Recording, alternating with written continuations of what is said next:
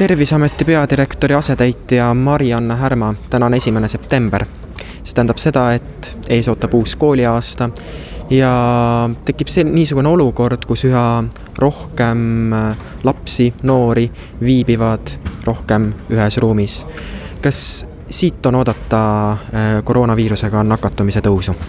Äh, kindlasti me ootame, et koolidel on oma oluline äh, mõju nakatumise tõusule. loomulikult aitab seda tõusu kontrolli all hoida see uus nii-öelda, see uus lähenemine, et kõik lähikontaktsed testitakse ära, kõik üle kaheteistaastased lähikontaktsed koolis testitakse ära, kui need lapsed on siis vaktsineerimata see aitab väga kiiresti äh, saada asümptoomsed nakatumised kätte ja omakorda ka need inimesed suunata isolatsiooni. nii et äh, võib-olla, äh, kui me näeme, et nakatumiste arvud tõusevad, siis siinjuures tuleb ka meeles pidada, et lapsed üldjuhul haigestuvad vähem või üldjuhul haigestuvad kergemini, põevad kergemini läbi. küll aga tasub meeles pidada, et lapsed toovad viirust ikkagi ka kodudesse, nii et kodudes, kui on on äh, lapsevanemad, vanavanemad on vaktsineerimata, kes elavad selle nakatunud lapsega koos. Äh, nende tervis on lihtsalt suuremas riskis, nii et kindlasti tasub ennast ära vaktsineerida selle kooliaasta alguses. Eh, mis eh, nõuded kehtivad nendele, kes on alla kaheteistaastased, nemad ju ennast vaktsineerida ei saa.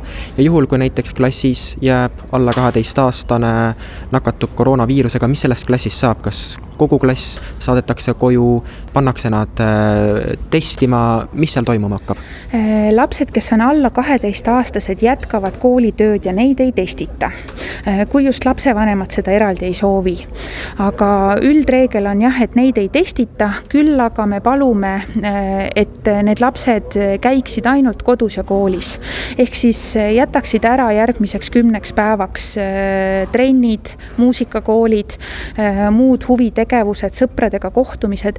ehk siis kehtib nii-öelda see piiratud liikumisega isolatsioon, nagu me oleme varasemalt rakendanud ka reisilt tulnud inimestele, kes ootavad oma teist isolatsioonist vabastamise süsti.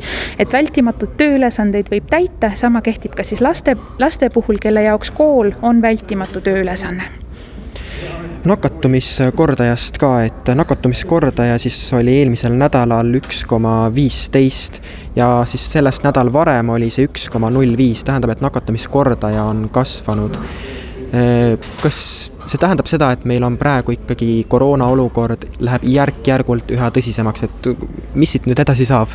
nakatumine tõuseb, see on paratamatu, me teades ka seda, et nüüd koolid alustavad, me ei oota, et nakatumine peaks langema hakkama. küll aga me loodame, et nakatumine liigub aeglases kasvutrendis. nakatumiskordaja R üks koma viisteist on, on selline, prognoosib ette meile sellist mõõdukat haigestumise kasvu. Äh, sellest olulisem on see, kuidas reageerib haiglaravi ja praegu me näeme, et haiglaravi reageerib äh, oluliselt aeglasemalt, kui ta varasematel aast-, eelmisel aastal sama nakatumise arvu juures oli.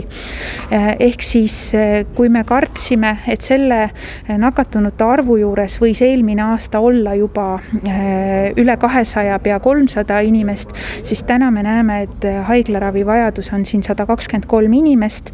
Äh, võib-olla järgmise nädala lõpus äh, jõuab ta saja viiekümneni, aga see kindlasti on midagi, millega Eesti haiglad praegu hakkama saavad